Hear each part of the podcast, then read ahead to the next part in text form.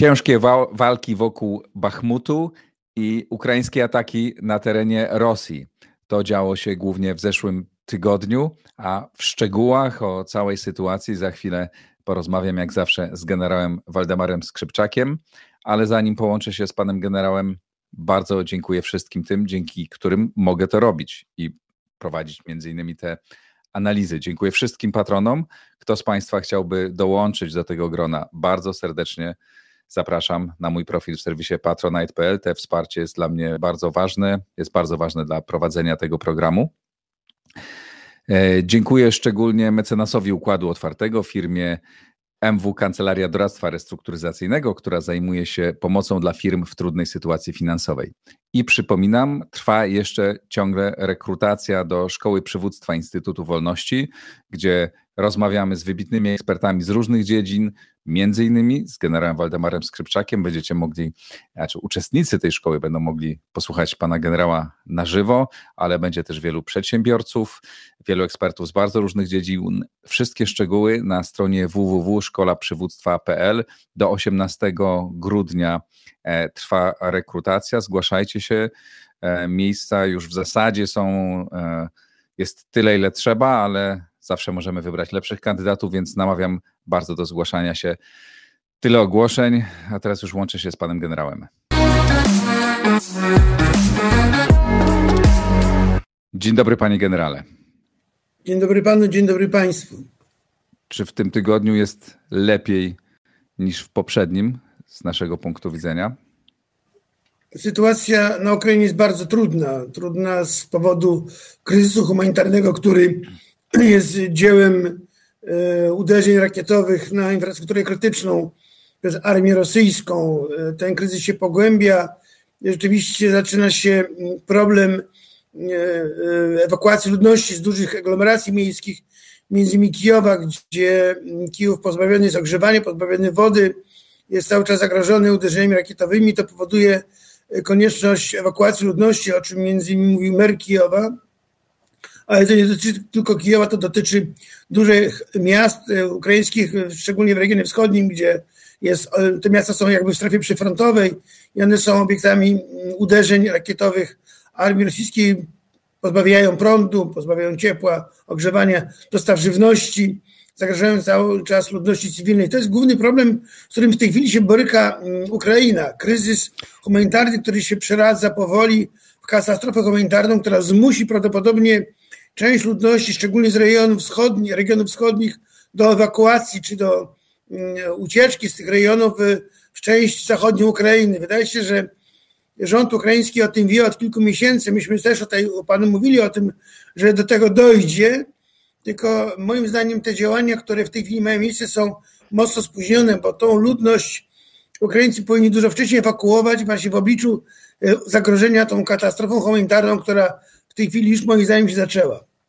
Jeśli mogę tutaj dodam, Panie generale, zanim przejdziemy do opisu całej sytuacji, to ja tu podzielę się swoimi doświadczeniami, bo właśnie wróciłem z e, Kijowa, byłem tam 8 e, dni i obserwowałem to. Więc oczywiście sytuacja jest trudna, tu pełna, pełna zgoda. Wyłączenia prądu i wyłączenia ogrzewania, właściwie bardziej prądu niż ogrzewania, ale ogrzewania też w wielu miejscach są, ale one nie są ciągłe. Znaczy jest tak, że cały czas to one, te wyłączenia są po pierwsze jakoś u, mm, e, anonsowane i one trwają po kilka godzin. Ludność znakomicie sobie daje radę. Wszędzie chodzą generatory, znaczy wszędzie tam, gdzie są. Nie wszyscy mają generatory, dlatego one są niezwykle dzisiaj potrzebne na Ukrainie. Ale tak naprawdę, jak obserwowałem Kijów, to on funkcjonuje normalnie. Zresztą o tym będę opowiadał wkrótce Państwu w e, odcinkach temu poświęconych, moim reportażu stamtąd. Mm, I jest tak, że na początku Kliczko mówił o tym, żeby apelował, znaczy zapowiadał, że być może trzeba będzie całe miasto e, ewakuować. E, natomiast potem się z tego wycofał. I teraz, nawet byłem na spotkaniu z nim i on e, mówił o tym, że trzeba być gotowym w razie pogorszenia się sytuacji na to, żeby wyjeżdżać, żeby żeby wyjechać gdzieś w okolice Kijowa, tak, żeby namawiał mieszkańców do tego, żeby nawiązywali kontakty ze swoimi przyjaciółmi, rodzinami, które mieszkają gdzieś niedaleko czy poza Kijowem, żeby w razie czego, w razie trudnej sytuacji e, móc się ewakuować. Natomiast oni jeszcze ciągle dają sobie radę. No i druga rzecz, niesamowicie, to jestem ciekaw też pańskiej opinii na ten temat. E, wydaje mi się, że znakomicie jednak działała ta obrona przeciwlotnicza, no bo ostatnie ataki, które były na Kijów, na w ogóle na, na infrastrukturę, w 80% bodajże zostały te rakiety mm, zestrzelone, zanim doleciały na miejsce. Więc y, mówię o samym Kijowie, bo na pewno w tych miastach na wschodzie sytuacja jest trudniejsza. Tu też jest trudna. To miasto no, walczy o przeżycie, ale funkcjonuje w miarę nieźle. I zresztą ci ludzie są pełni dobrej energii. Przepraszam, tu podzieliłem się swoim e, doświadczeniem, oddaję panu głos, proszę. E, e, ciekaw jestem, że zwłaszcza pańskie opinie o tej obronie przeciwlotniczej. Na ile pan ocenia jej skuteczność? Wracając jeszcze do kryzysu humanitarnego, ja bym nie czekał na skutki tego kryzysu wtedy, kiedy one będą miały miejsce, bo będzie wtedy na ewakuację ludności, na ratowanie ludzi będzie za późno. Ja jestem zwolennikiem uprzedzania rozwoju sytuacji operacyjnej i tej humanitarnej. W związku z tym skłaniałem się ku temu, żeby tą ludność odpowiednio wcześniej ewakuować, a nie czekać, aż będzie totalna katastrofa. A Rosjanie do tego dążą i oni moim zdaniem dalej będą dewastować Kijów i dalej będą te swoje cele chcieć osiągać. W związku z tym czekanie na to, co będzie jeszcze, moim zdaniem jest nieuzasadnione, bo mm, trzeba uprzedzać działanie przeciwnika i tego jestem zwolennikiem. Ale tu przepraszam, jeszcze raz mała, mała polemika, ponieważ naprawdę e, oni, znaczy póki co, e, bo też byłem na takim spotkaniu, w którym, w którym uczestniczyli szefowie dwóch firm energetycznych i oczywiście no, oni sprzedawali swoją wersję, tak, ale mówili, że cały czas udaje się utrzymać ciągłość z przerwami, ale jakby taką w miarę systematyczne, systematyczne dostawy, y, dostawy energii. I to miasto temu miastu udaje się funkcjonować. Jeżeli na to nałożyć tą wysoką skuteczność e, e, obrony przeciwlotniczej, bo naprawdę jakby na, na same miasto te rakiety nie spadają. Nie? One spadały na infrastrukturę i są rzeczywiście dewastujące, ale dosyć szybko udaje się to stawiać, więc ja przyznam, jestem w tym względzie większym optymistą niż pan generał, ale oczywiście zobaczymy. No, bardzo chciałbym ja mieć rację, e, ale zobaczymy. Panie redaktorze, ja nie jestem pesymistą. To nie o to chodzi. Tylko chodzi o to, że jako wojskowy mam obowiązek prognozować rozwój sytuacji. Mhm. Jeżeli ma dojść do, do, kolejnych uderzeń, zmasowanych uderzeń rakietowych na Kijów, to nie wolno czekać na ewakuację ludności, aż stanie się ta katastrofa, tylko trzeba odpowiednio wcześniej ją ewakuować. I to mówię, to wynika z e, mojego podejścia jako żołnierza, który ma przewidywać rozwój sytuacji, bo my e, wojskowi mamy zapobiegać, a nie usuwać skutki. To jest jedna rzecz. Teraz wracając do mm, obrony powietrznej, ona rzeczywiście jest skuteczna. Y, pierścień czy strefowa ochrona, obrona y, przeciwlotnicza i przeciwpowietrzna nad Kijowem jest bardzo skuteczna. Kijów jest centrum y, Ukrainy, w związku z tym ta obrona jest wielowarstwowa, ona jest wielostrefowa i to pozwala skutecznie zwalczać rakiety i środki napadu powietrznego armii rosyjskiej, stąd niewiele ich spada, rzeczywiście uderza. Nie spada, uderza na na Kijów, ale generalnie nie tyle na o budynki mieszkalne, bo to raczej mają te uderzenia mają charakter przypadkowy. Raczej skupiona jest uwaga na uderzenie na infrastrukturę krytyczną, ta, która ma mm, spotęgować tą katastrofę humanitarną, którą chcą Rosjanie na, na Ukrainie wywołać. Przy czym to dotyczy całej Ukrainy i tych uderzeń, i te uderzenia mają charakter systematyczny i one powtarzane są na niektóre obiekty wielokrotnie, tak żeby Y, po nawet odbudowie czegokolwiek, czy reaktywacji, nadal niszczyć te systemy zapatrujące w energię elektryczną y, y, miasta ukraińskie. I ten proces postępuje, on się pogłębia. Mm, czy generatory rozwiążą problem, nie wiem, to się okaże. Natomiast mm, my jesteśmy na początku zimy, najgorsze przed nami. Najgorsza pora roku jest przed nami i te najbliższe 3-4 miesiące będą tymi, które zdecydują o tym, czy ta katastrofa będzie rozległą, czy tylko ona będzie punktową, jak na przykład dotyczyć mieli Kijowa, czy Czernichowa, czy na przykład Charkowa. Ale y, ja zwracam uwagę na to, że y, działania zostały, powinny być podjęte w zakresie um, usuwania skutków tej katastrofy dużo wcześniej, między innymi poprzez ewakuację ludności do rejonów dla niebezpiecznych. takich, które pozwalałyby, pozwalałyby im normalnie funkcjonować. To jeżeli chodzi o, o te kwestie. Mhm. Natomiast obrona powietrzna jest skuteczna. Wydaje mi się, że e, ona jest e, na tyle skuteczna, że jak to mówią sami Ukraińcy, mm, że około 70% środków, e, które Rosjanie wystrzeliwują, jest strącana. Na pewno ta efektywność systemu jest dużo większa w rejonie Kijowa niż gdzieś w głębi Ukrainy, gdzie ta mm, obrona powietrzna nie jest tak gęsta jak w tej wschodniej strefie mm, Ukrainy, ale to jest naturalne i w związku z tym wydaje mi się, że nawet założenie, że ta skuteczność całego systemu jest na poziomie 50-60% przy rozległości Ukrainy, obszarowej rozległości, to jest to system bardzo skuteczny. Ale z tych danych z ostatnich w każdym razie ataków wynika, że one jest większa niż 50-60%, znaczy skute, skuteczność obrony, tak? Bo tam na, nie wiem, na 90 rakiet spadło zdaje się skutecznie 10. E, więc redaktorze, tak... ja dyskutuję na tym, co podają media i co podaje propaganda ukraińska, bo no nie trzeba mieć dystans. Ja to absolutnie prawda. popieram Ukrainę, wspieram Ukrainę, ale jako wojskowy mam realnie oceniać sytuację i, i mm, oczywiście media prowadzą wojnę inaczej niż y, to robią wojskowi.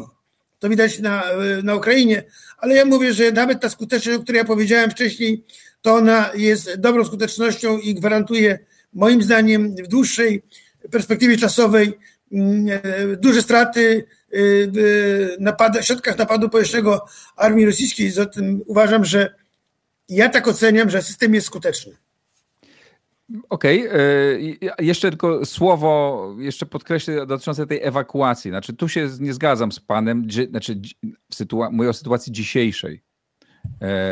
Dzisiaj Kijów funkcjonuje, tak? W trudnych warunkach, rzeczywiście trudnych, ludziom jest cięż, niełatwo. E, e, część ludzi zresztą wyjechała, to widać, tam jest mniej ludzi niż, e, niż normalnie. Niemniej to jest potężne miasto, znaczy wywieźć 2-3 miliony ludzi to jest gigantyczna operacja, a na razie udaje im się to utrzymać, tak? Być może za jakiś czas będzie, kiedy temperatury spadną niżej, jak ja tam byłem, to było minus 2, minus 3, tak? Jak będzie minus 15 i przyjdzie kilka skutecznych ataków, wtedy rzeczywiście może być bardzo ciężko. Ale dzisiaj wtedy jeszcze będzie nie za późno, tak panie redaktorze, wtedy będzie za późno. Mam uprzedzać, a nie usuwać skutki, to podkreślam cały czas. Ale to, okay. panie redaktorze, to, to się okaże w najbliższym czasie. Myślę, że najbliższy miesiąc, dwa pokażą naprawdę, jaka jest sytuacja na Ukrainie. Ja tylko mówię o tym, co jest bardzo niebezpieczne dla, dla Ukraińców tak. jako obywateli. Tak. Moim zdaniem. Co się działo?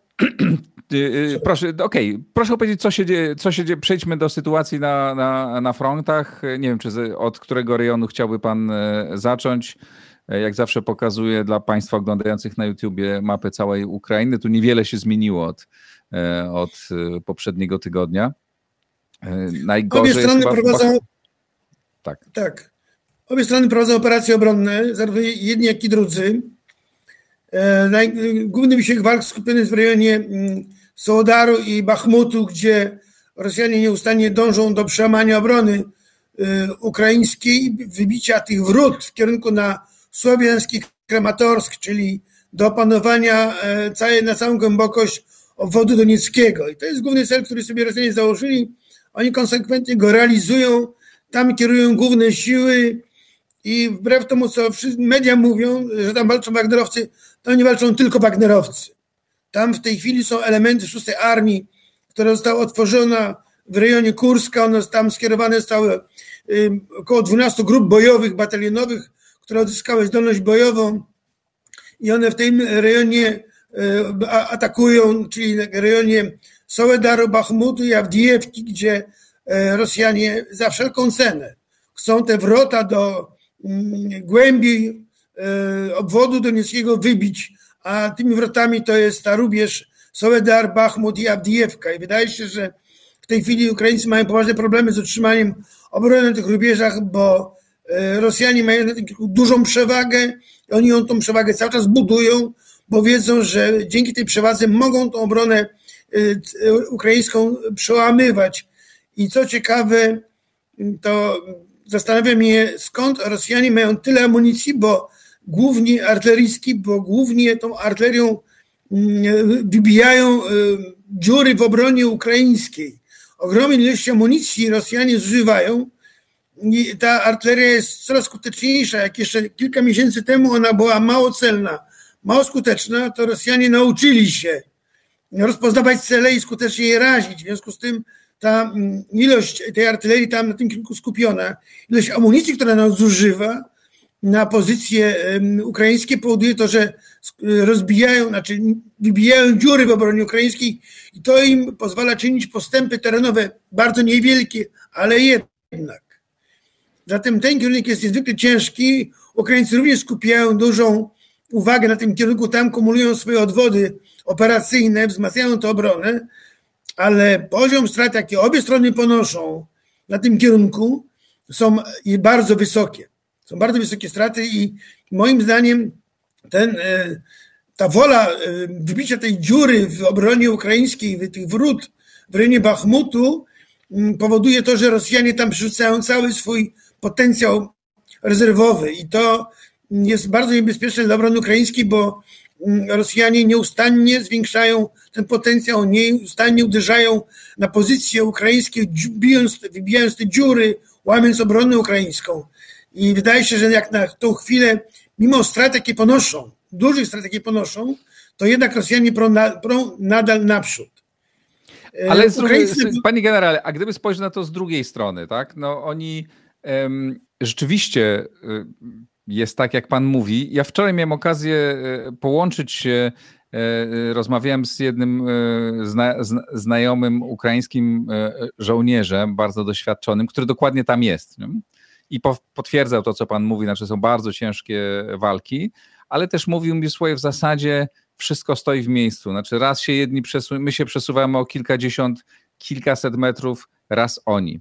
Przy takim natężeniu, o którym pan mówi, rzeczywiście Rosjanie tam no, przesuwają, domyślam się, jest tak jak, tak jak pan generał mówi, no to te sukcesy są niewielkie, tak? Znaczy, mimo wszystko ci Ukraińcy trzymają ich tam i to jest trudne, są duże straty, ale, ale nie posuwają się, tak? Jeżeli mimo tych dużych, spoglądając z drugiej strony tej szklanki, mimo tak dużych sił, położenia tak dużego nacisku, no nie posuwają się, czy posuwają się minimalnie do przodu. Znaczy, te postępy, które oni mają, to one są minimalne od początku tego uderzenia na kierunku bachmuckim. Natomiast e, jednak są postępy i oni w tej chwili obchodzą od południowego wschodu Bachmut uderzają na Soledar również i mimo tego, że te postępy są na dobę kilkaset metrów, to jednak one mają miejsce. Mhm. Zatem e, e, obrona ukraińska jest na pewno skuteczna na poziomie taktycznym, na poziomie operacyjnym rysują się obejścia zarówno od północy Bachmuty, jak i od południa, co być może wróży Rosjanom przede wszystkim, bo oni pewnie o tym myślą, żeby te wojska, które bronią Bachmutu, żeby je ominąć od południa, od północy i pójść w tą głębię operacyjną, o której mówię, na tą rubież słowiański Kramatorsk, to co było przedmiotem ich, ich e, operacji od 3 kwietnia. Więc oni tych, z tych celów nie zrezygnowali, dążą do tych celów za wszelką cenę i wydaje się, że na pewno w tych zamiarach nie ustaną i te postępy, które mają te kilkadziesiąt czy kilkaset metrów na dobę, jednak mimo wszystko są postępami, które biją te dziury w obronie ukraińskiej. I powtarzam, e, ta przewaga artylerii rosyjskiej, która jest coraz skuteczniejsza, jeżeli chodzi o celność, mnie zdumiewa, bo zastanawiam się, skąd Rosjanie mają tyle amunicji.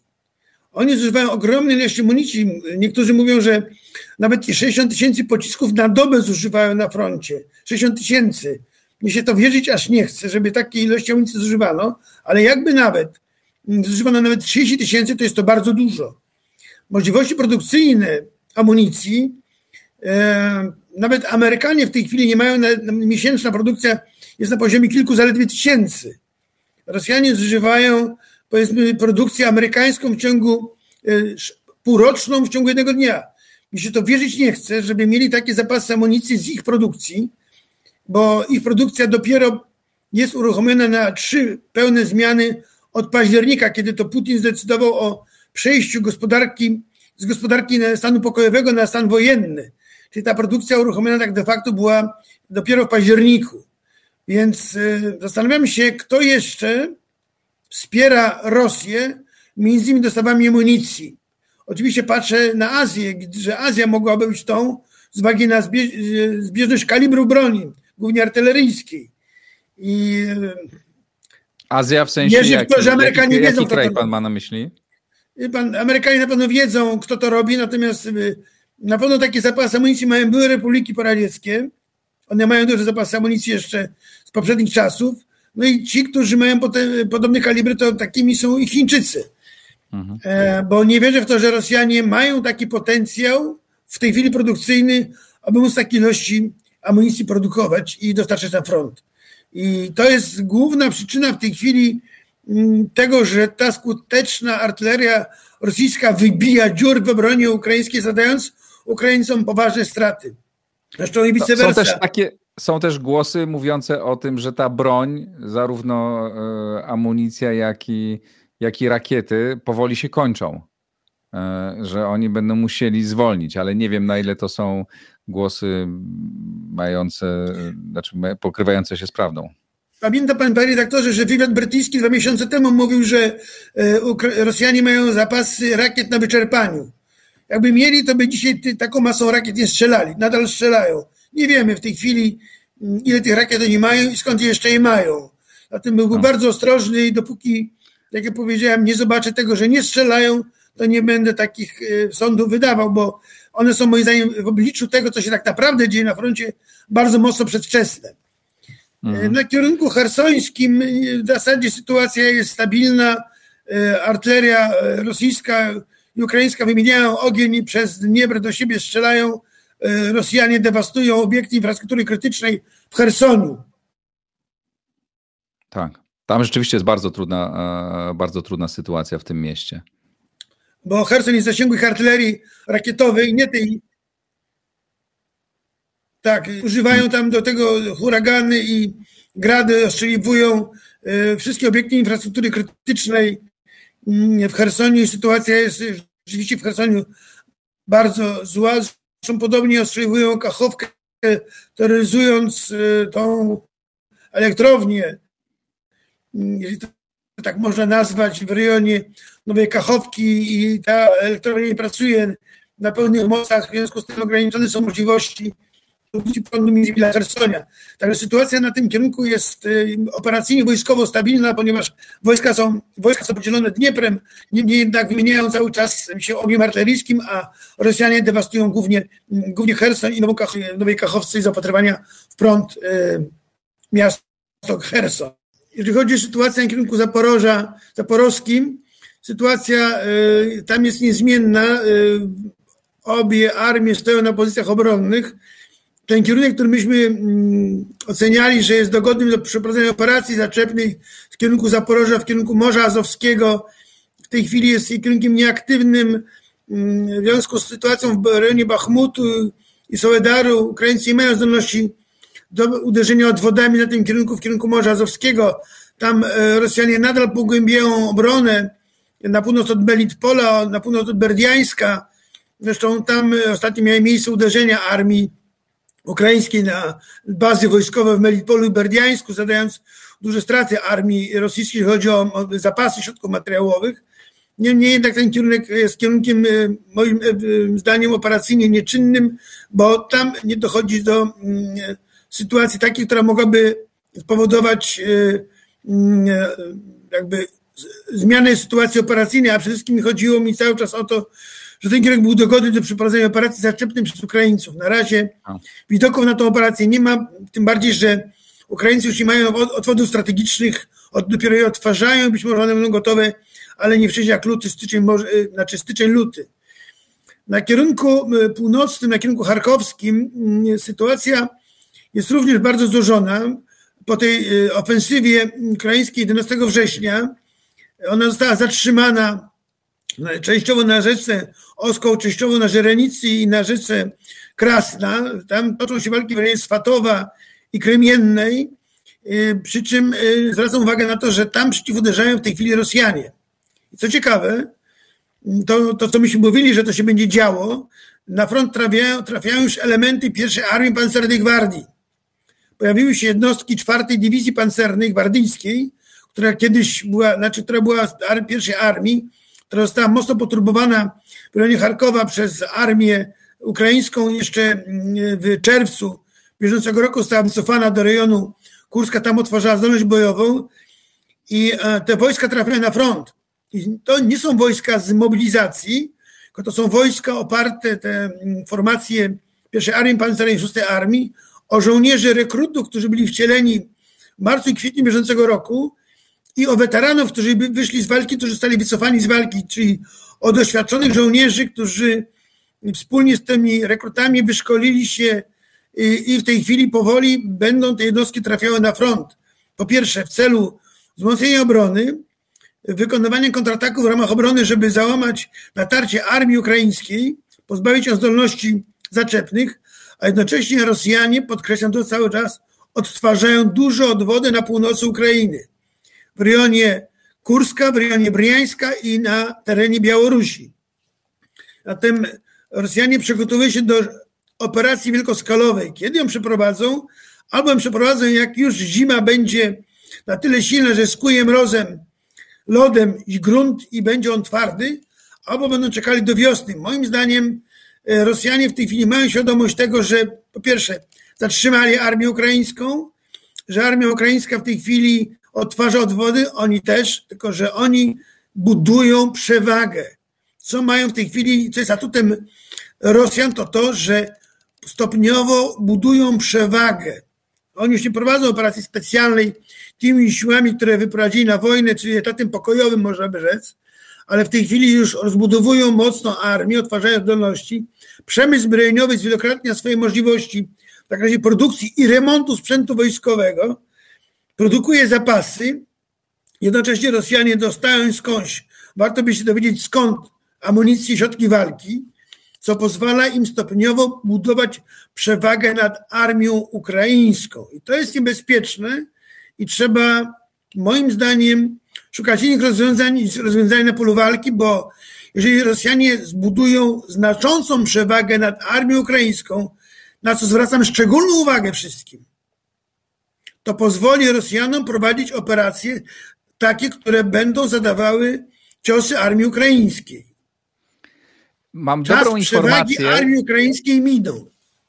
Panie generale, mam dobrą informację, jeśli chodzi o sprzęt, e, ponieważ kiedy byłem w Kijowie, rozmawiałem z jedną osobą e, no, z kręgów rządowych wysokich, która bezpośrednio zajmuje się tymi kwestiami.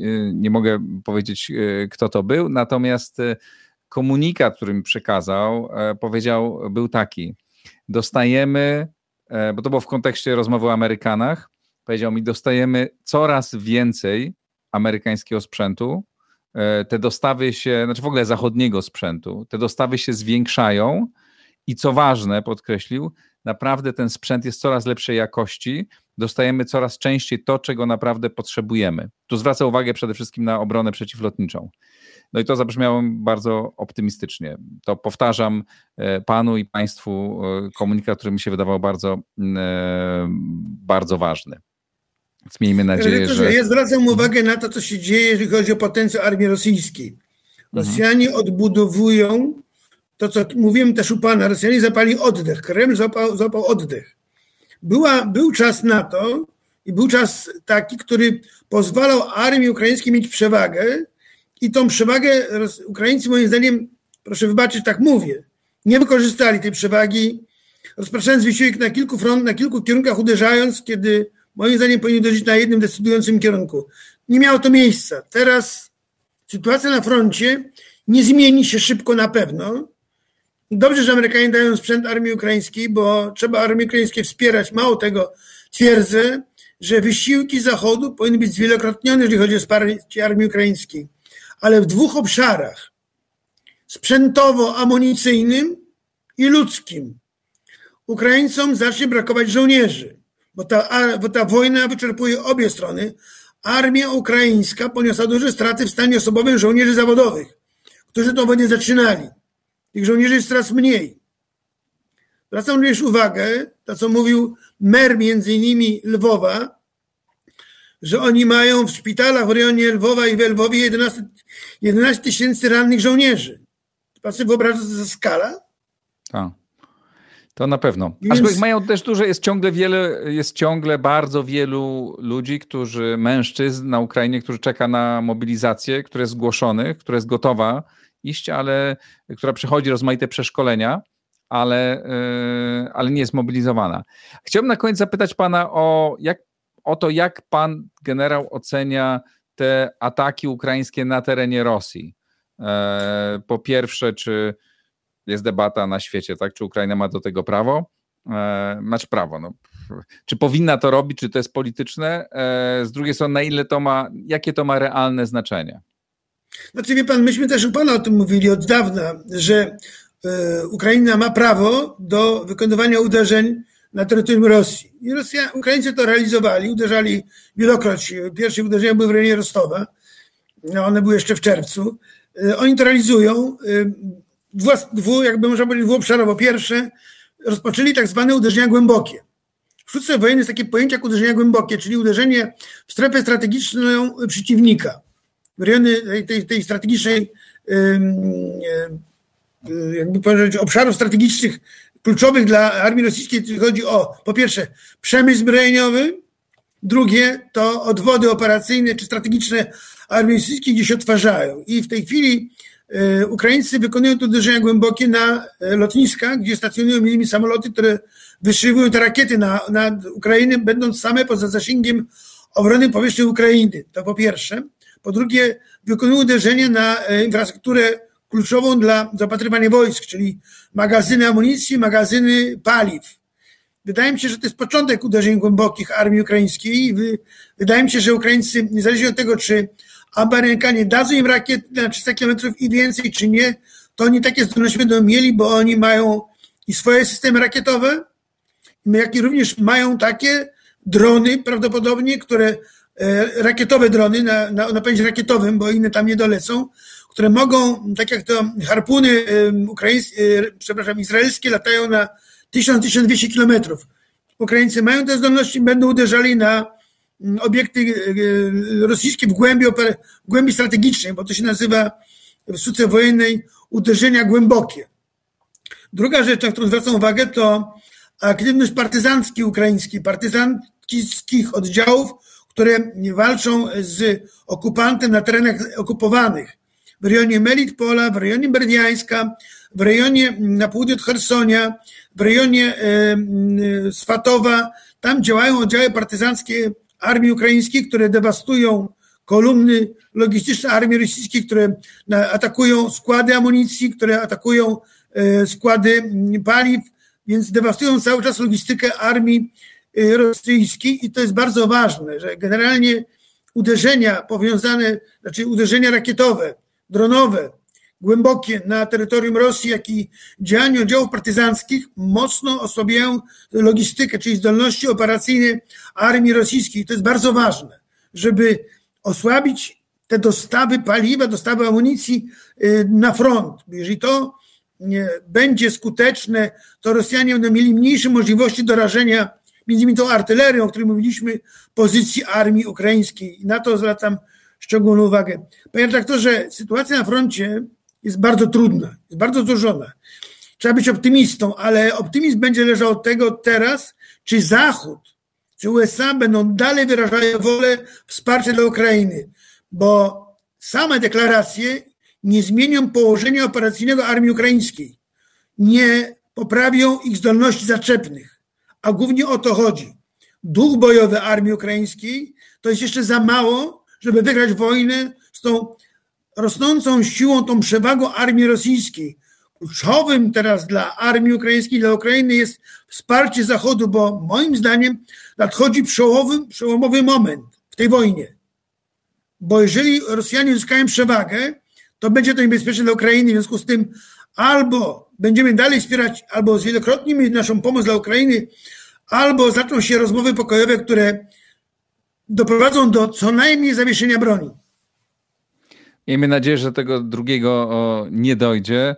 E, z moich rozmów w Kijowie, właśnie na, z wszystkimi, z którymi rozmawiałem, jakby nikt nie dopuszcza cienia szansy, cienia możliwości rozpoczęcia jakichkolwiek rozmów, dopóki Ukraina nie osiągnie zwycięstwa i e, trudno sobie dzisiaj to wyobrazić, aczkolwiek naciski, e, naciski są. Z, z jednej strony naciski niemiecko-francuskie nie mają dla Ukraińców znaczenia, bo jak mi powiedzieli, no co Niemcy i Francuzi nam mogą dzisiaj, czym, jak mogą nas nacisnąć, skoro ich pomoc jest niezbyt duża, a, a z kolei Amerykanie, tak jak mówiłem, zwiększają tą pomoc, znaczy mówię na podstawie relacji, ale z jakby z pierwszej ręki i oby to było, oby to było prawdą. Panie redaktorze, historia uczy, że to nie Kijów zdecyduje o przyszłości Ukrainy, tak jak e, o przyszłości Polski decydowała Warszawa czy rząd polski w Londynie. Tylko Stalin zdecydował razem z Churchillem i Rooseveltem.